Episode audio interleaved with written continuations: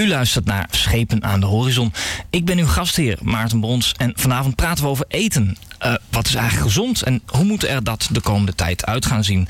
Tweet gerust met ons mee met de hashtag SADH. Op onze website sadh.nl staan ook alle vorige afleveringen en die staan ook gratis in de iTunes Store bij de podcast. Ik kijk even naar het kraaiennest. Daar zit onze factchecker en lifehacker Ronald Mulder. Ronald, heb jij updates? Nou, eentje. Uh, was net even de vraag wat een uh, isotoon drankje precies was.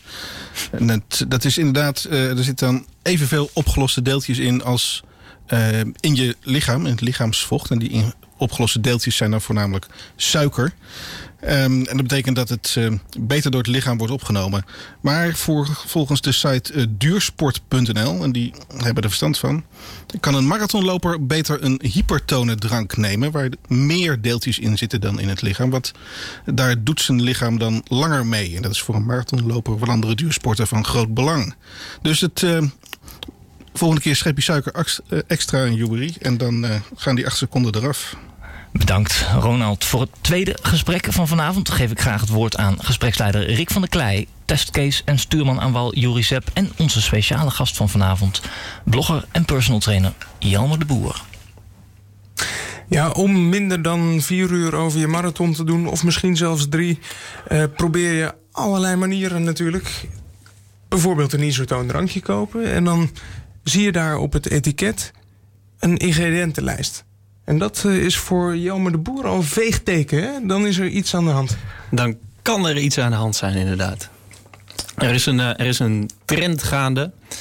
En uh, die trend is dat we eigenlijk terug moeten naar 10.000 jaar geleden. Of nog iets eerder. Waarin we één waren met de natuur. En waar, waarin we alleen natuurlijke producten uh, aten en, en dronken. Um, de vergelijking met, met de etiketten wordt, wordt gauw gemaakt. En dan is de stelling, zodra het een etiket heeft... dan kun je het beter links laten liggen. En um, omdat we die vroeger ook niet hadden, etiketten... En uh, volgens mij komt die uitspraak van Michael Pollen... die het boek geschreven heeft, The Omnivore's Dilemma... Um, ja, ik vind dat er wel wat in zit inderdaad. Als je zo je, je dieet uh, inricht... door alleen maar uh, eten te kopen waar geen etiket op zit... Ja, dan kun je hele grote stappen maken richting een gezonde leven. Of uh, in drie uur marathon lopen, Jury?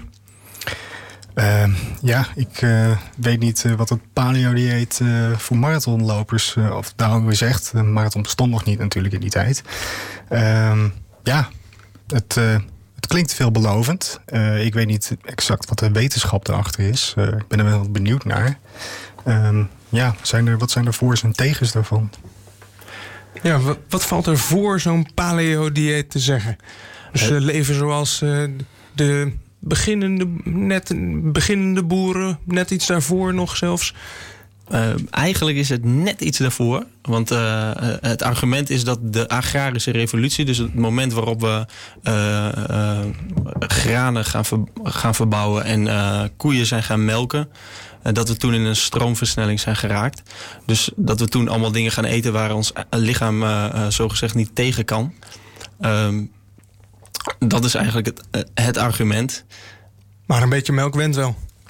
Inderdaad. In 10.000 jaar, en, en, of niet? Daar heb je direct het tegenargument uh, te pakken. Um, we zouden niet tegen melk kunnen, maar er zijn natuurlijk heel veel mensen die daar wel tegen kunnen. En uh, het is tegenwoordig hip om uh, allergieën te hebben. Maar volgens mij zijn er nog steeds meer mensen die wel tegen melk kunnen. En zeker in Nederland dan, dan mensen die dat niet kunnen.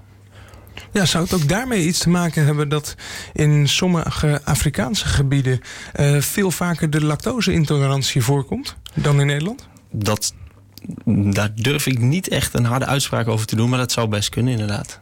Het is wel zo dat, uh, uh, dat in bepaalde plekken op de wereld mensen beter tegen melk kunnen. En dat komt ook puur en alleen omdat ze het al langer drinken. Dus dat er meerdere generaties melk drinken. En dat het melksuiker lactose door het enzym lactase kan worden afgebroken. Ja, en die al uh, decennia lang door uh, Joris Driepunter opgejut zijn om uh, iedere ochtend maar weer op te staan met melk. Precies, alleen dat is dan wel weer een extreem natuurlijk om het elke dag te doen. Er was toch ook een theorie dat mensen in melkdrinkende landen, zeg maar, juist heel lang konden worden. En dat lactose uh, daar een uh, sleutelrol in speelde. Ik weet niet, uh, is dat een fabel? Of? Dat, dat weet ik niet.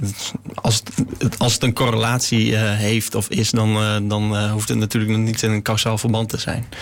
Dat is waar. Denk ik. Maar zou je wel kunnen zeggen dat uh, als je in de supermarkt rondloopt en als je dan van die producten met de ingrediëntenlijsten tegenkomt, um, dat je wat wantrouwig moet zijn? In ieder geval die lijsten maar eens moet lezen? Of word je daar niet zoveel wijzer van? Mm, ik denk dat je daar wel een stukje wijzer van wordt. Ja, ik, bijvoorbeeld ik, je hoeft niet per se van. van Jury. Ja. Um, ascorbinezuur zit er dan in dat drankje. Wat Ja, is dat? Ik ben toevallig laatst op mijn vingers geweest. Ik zei dat het vitamine C was, maar dat is het niet helemaal. Het is de, de synthetische variant van vitamine C. Ehm, en volgens mij is het een, eh, een, een product om ook eh, een zo'n drankje langer houdbaar te houden. Dat klinkt wel gunstig. Dat klinkt inderdaad gunstig. Dus daar hoeven we niet zo bang voor te zijn. Wat jou betreft. Wat mij betreft eh, over ascorbinezuur niet inderdaad. Nee, want eh, dat is toch een vraag die bij me opkomt als ik die ingrediëntenlijsten lees. Ehm, het zijn allemaal lastige, beetje scheikundig aandoende termen. Zou daar iets mee aan de hand zijn, vraag je dan af. En dan blijkt het gewoon vitamine C te zijn. Hartstikke onschuldig. Of is het toch uiteindelijk anders voor het lichaam dan vitamine C uit mijn sinaasappel? Het is natuurlijk wel iets anders inderdaad. Ehm, wat ik, ja, ik ben dus inderdaad op mijn vingers getikt dat, dat eh, de synthetische vitamines weer iets anders zijn dan de vitamines uit, de, uit groente en fruit. Ehm, Maar doen die ook iets anders met je lichaam? Vraag ik jou als personal trainer. je kunt niet één vitamine aanwijzen als, als, eh, als factor die iets bepaalt in je lichaam. Het is natuurlijk altijd een, een samenwerking tussen verschillende stoffen. Ehm, en door iets te isoleren, ja, dan, dan wordt het alweer aardig, eh, aardig lastig. Dus door puur ascorbinezuur toe te voegen ergens, en dan weet je dus niet meer of dat dan precies werkt. dat- Of dat het een combinatie van alle ingrediënten is in bijvoorbeeld een sinaasappel. Maar dat kan toch door een dubbelblindtest met een controlegroep wel opgelost worden. Nou, dat kan. Maar dat is niet zo jouw manier van kennis verzamelen, lijkt het. Nee, maar je neemt nu iets uit. En dat is toevallig dan een vitamine C. Maar het kunnen natuurlijk ook andere stoffen zijn die erin zitten. die bijvoorbeeld verder geen eh, gunstige effecten hebben op ons lichaam. Waarschijnlijk hebben ze in ieder geval geen ongunstige effecten op zichzelf. Maar Moeten we überhaupt niet zo overdrijven misschien? Al die ingrediënten die op die lijsten staan... ehm, die zijn vast en zeker goedgekeurd door een voedsel- en warenautoriteit. nou, die Of- mening deel ik wel met, Door de je, EU? met je. Het- Ik, ik vind dat het te snel moeilijk wordt gedaan over E-nummers die dan toevallig slecht zouden zijn. Ik bedoel, het zijn door de EU goedgekeurde hulpstoffen. En natuurlijk zullen er wel mensen... Je moet pas echt schrikken als er door de EU afgekeurde hulpstoffen op staan eigenlijk. Precies. Dat lijkt mij ook, ja. Maar eh, nee, ik, eh, ik, ik, ik zit een beetje er middenin. Ik kan me voorstellen dat er mensen aan het lobbyen zijn in, eh, in de EU... Die, die graag willen dat er bepaalde producten verkocht moeten worden. Ik, ik vind alleen niet dat per se alle E-nummers direct slecht zijn. Dat niet. Ja, en ook niet alle synthetische producten die in de tijd dat we nog geen landbouw hadden, nog niet bestonden. Het is niet gezegd dat die per se ook slecht voor je lichaam zijn. Niet per se, maar alleen als je dieet bestaat uit, eh, uit voedingsmiddelen die samengesteld zijn door eh, bijvoorbeeld eh, suikers en wat hulpstoffen, ja, dan kan ik me voorstellen dat dat niet een compleet dieet is.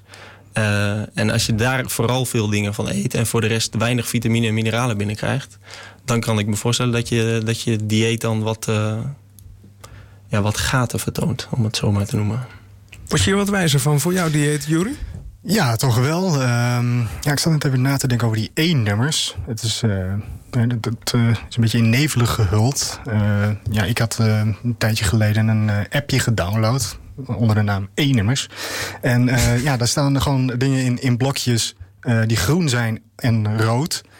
Eh, en die rode zijn dan schadelijk. En dan wordt dan ook uitgelegd eh, wat het dan is. Nou, een daarvan eh, is het omstreden aspartaam. En ja, wat er dan bij vermeld wordt, dat is wel een, ja, een beetje een, een, wetenschappelijke uitspraak. Er staat er letterlijk, we citeren Dr. H.J. Roberts, een mondiale expert op het gebied van aspartaam. En die wordt geciteerd, aspartaam is een waar vergif. Het is, een, dat is toch alles in een zekere dosis?